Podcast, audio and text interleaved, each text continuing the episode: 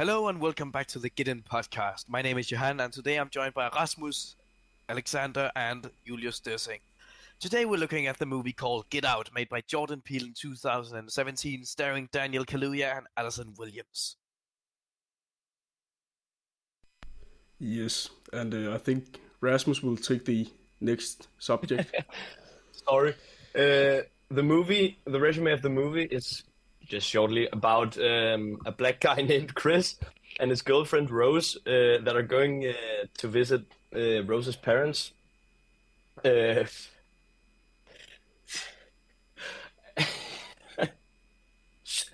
Johan, kæft. Shut up, Johan. You can't uh, laugh at me. I think we have some technical Uh, difficulties on Rasmus' side. Yeah, uh, definitely we have.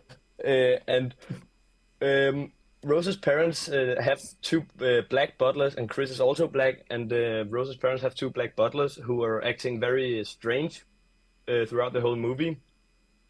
Uh, and a couple of days after they get to Rose's parents' house, there is a like a get together where uh, Chris meets a blind boy named Jim Hudson, uh, I think, uh, who is like the only one who can't see his skin color and doesn't act weird like uh, all the other white people at the, the get together. Uh, and just, you know, it's really strange. And in the ending, uh, Jim Hudson is supposed to like overtake Chris's body, um, you know, get his, I think, brain transferred into Chris's body so he can get a new body. And that's also what happened with the two black butlers uh, Rose's parents have. Uh, they, they're not the original people who were born in the bodies. It's, I think, uh, Rose's grandparents uh, who were uh, uh, stationed inside the black butlers' bodies. Yep. Yeah, I totally agree with uh, Rasmus's uh, resume of the movie. Uh, very interesting movie indeed.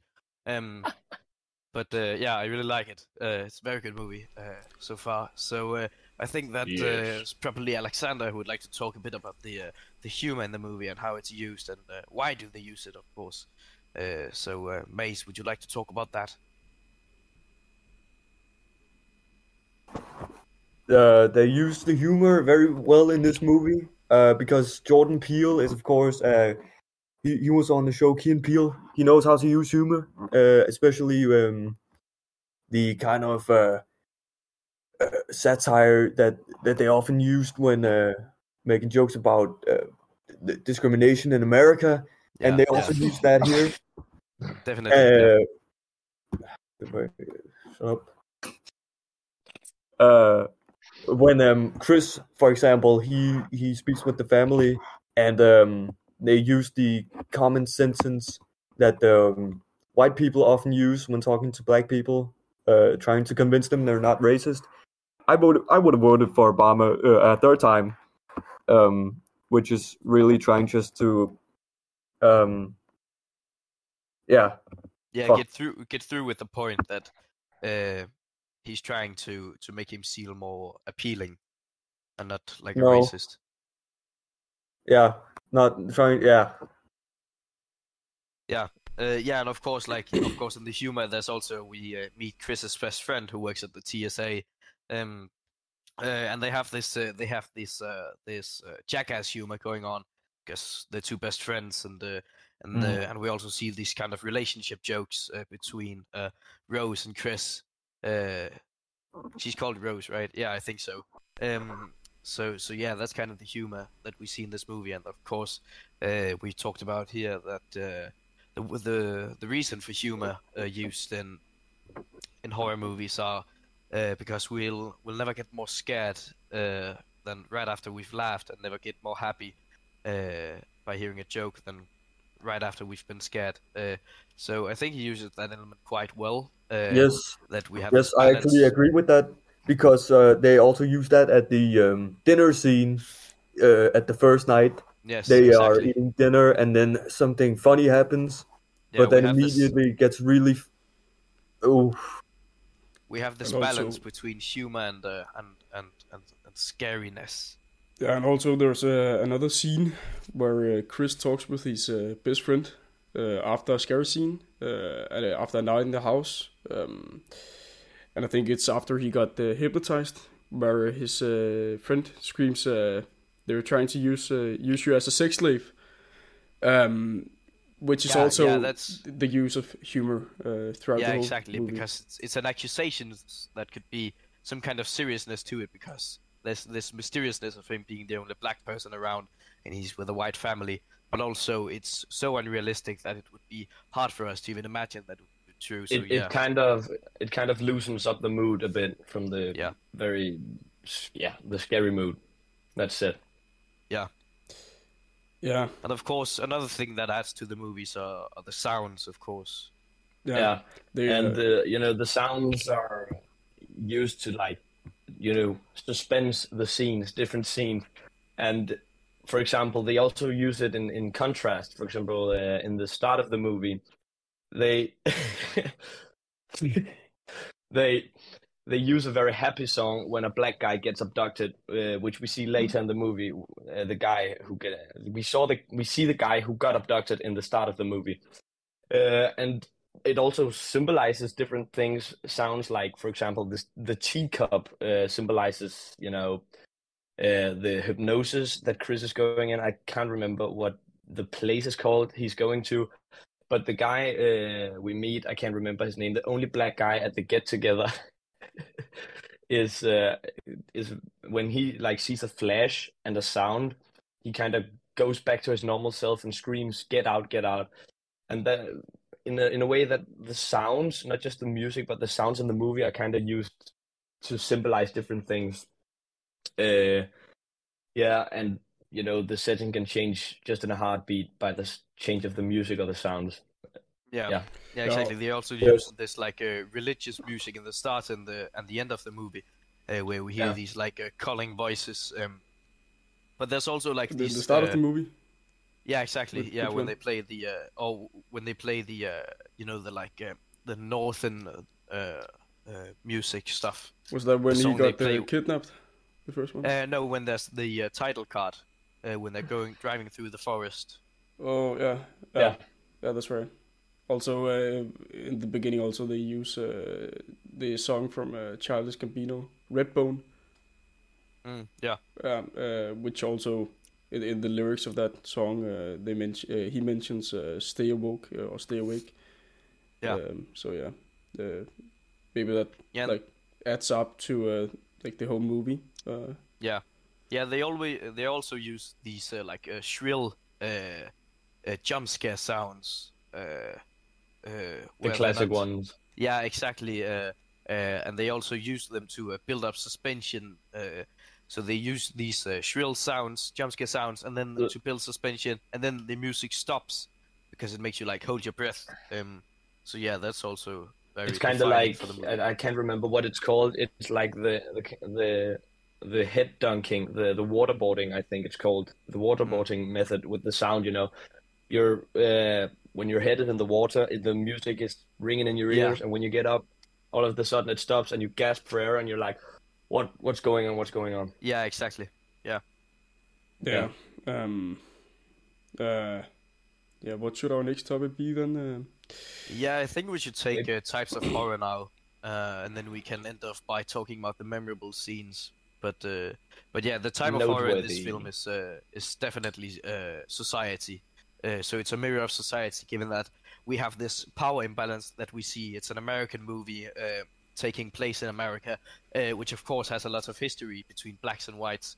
Uh, but yeah, it's clearly that you can see this power imbalance in race, um, uh, given that we also it's kind of it's kind of also used in the way they're you know the white people are super rich if Yeah. you've seen Django for example you can see like the Calvin Kennedy mansion the big white house the Mm. white people all the black people working for for the white people you know Yeah, that exactly. Rose's family also has Yeah, and also the black servants. Uh, it's uh, we are then explained that it's because they're white people, but still it has a it has a, a motive or an image that they have these black people working for them, uh, and only a blacks. symbolic meaning Yeah, and- exactly. And, also the scene, Um, like the um, the homeowners, um, Rose's parents seem kind of like jealous of uh, the uh, the black servants' bodies.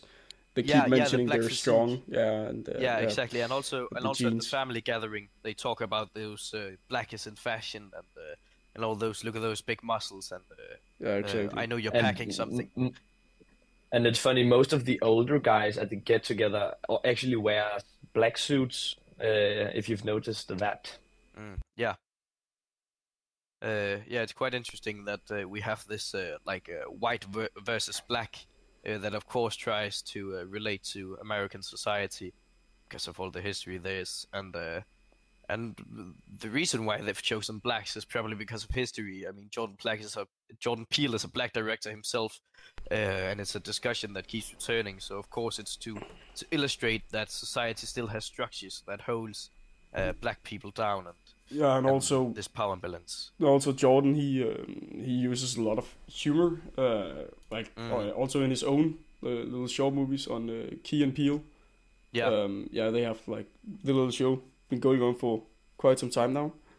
Yeah, exactly. Um, Yeah, where they also like portray the uh, the black versus white uh, Mm. quite a lot.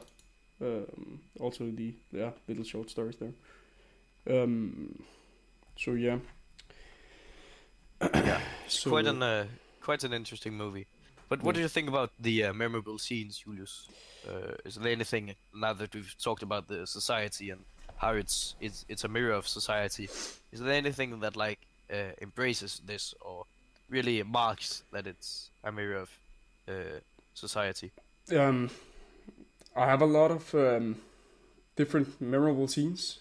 Um, also, that the uh, the family uh, constantly needs to point out that he formally voted uh, Obama two times, um, and would do it again if he had a third run. Um, he, he just keeps on like um, it, it's kind of like he's I don't know like mm, maybe like excusing uh, towards the black people for the uh, like the history of uh, Yeah, like yeah, black exactly. versus white. Um, he kind of like needs to um, do it up to him, if that makes sense, um, uh, or, or make it up to him. Um, Yeah, he, he needs to make it up so it is because Yeah, the so image of the seem two black racist. uh, the Yeah. the two black servants and he says I vote I would have voted for Obama a third time. yeah, Yeah. exactly. Um, um, yeah, we, I have quite a lot, uh, but I don't know which Yeah, I mean, like. do you have like I don't know, like one or two memorable scenes more maybe, and then I think we'll. Oof, um, I have the uh, that's like kind of a funny scene, but at the same time quite serious. The uh, silent bingo scene. Um, Yeah. Where they are Yeah, exactly. kind of like hosting a bingo uh, for uh, or holding a, uh, a pre uh, funeral for Chris, where his uh, uh, picture is uh, up on the stage, uh, like a yeah memorial or something, uh, like a funeral, and they're playing for his um, yeah for his body, if you can say that. Uh, It, it, Um, it's kind of like a slave auction actually. yeah, yeah, also that, yeah, but like in a modern uh, society. Yeah, Um, yeah.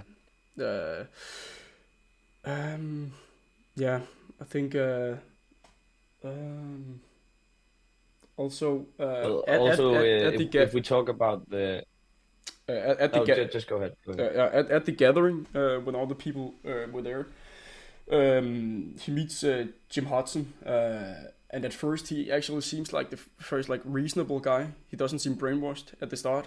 Uh, I don't know if you guys noticed that. He, he seemed like the No. only one with with reason, uh, and and like not Yeah, completely like Who? um, Jim Hudson, the uh, the the the blind guy with a cane, uh, sitting down Who does bench. that? Uh, Jim Hudson. Yeah, yeah, exactly. Yeah, he, he seems like one of the more reasonable guys. Uh, like he Mm. uh, hasn't been brain- brainwashed yet. Yeah. Um. Yeah. Uh, Yeah, that's true. uh, yeah. Unlike the other ones, uh, seem like yeah. I don't know. Maybe. Um. Yeah. Kind of crazy, hiding something. Mm. He kind of He he, kind of seems- seems like he doesn't have anything to hide for Yeah, Chris exactly. because Yeah. everyone else kind Yeah. of feels like they're hiding something, trying to impress him, Yeah. but he just just Yeah. talks to him normally. Yeah, exactly. yeah. And I think he's portrayed in in this when the the first time we see him, it's like I thought, for example, that he was the good guy Yeah. uh, exactly. because he couldn't. I, I thought because uh, the way that he acts is, uh, towards Chris, I thought about it and I thought maybe it's because he couldn't see his skin color, but um, apparently it wasn't that. No, Yeah. exactly. Yeah. Um, So yeah. I guess that's it uh, So, about um, the movie. But uh, how do we? Uh, how do we like? I liked it personally. Yeah, I, I like Yeah. it too. It's Um, uh, it's a good. I uh, think I would give it a. I, I would give it five out of five. Daniels. Yeah. Yeah, yeah. I think I would give it probably, probably nine and a half out of ten Clauses. Yeah, and I would. Uh, yeah, I would give it nine out of ten. Uh, Martins. Yeah. Too. Um, Mm. I, yeah. ca- I give it uh, 4.7 OJs. yeah. Out of five. Not not OJ Simpson, right? Yeah. Uh, I'll never tell. Ah, yeah. Okay, of course. So, like, would you recommend it to others? Yeah, definitely. Yep. Um, and also Yeah, like, sure. for the people who think um, horror movies is just like splatter and like Yeah, exactly. Yeah, Yeah. it's a very different kind of horror movie. yeah, this is more like a psychological game. Uh, Also portraying reality. I, I, Mm. Yeah, not exactly. like It's- in a like what can you say extreme way, but Yeah, that's also what makes it so good. yeah, exactly. Um, Definitely. I think that would be it Yeah, for it- this. Uh, or do you have anything to add, Rasmus? Not really. Not really. So uh, does So anyone else have? that was this of it uh, of this Skidden podcast. We're looking forward to see you uh, in the next episode, and uh, until that, you'll have a uh, jolly good day. Yes. Have a go- jolly good day, my lad.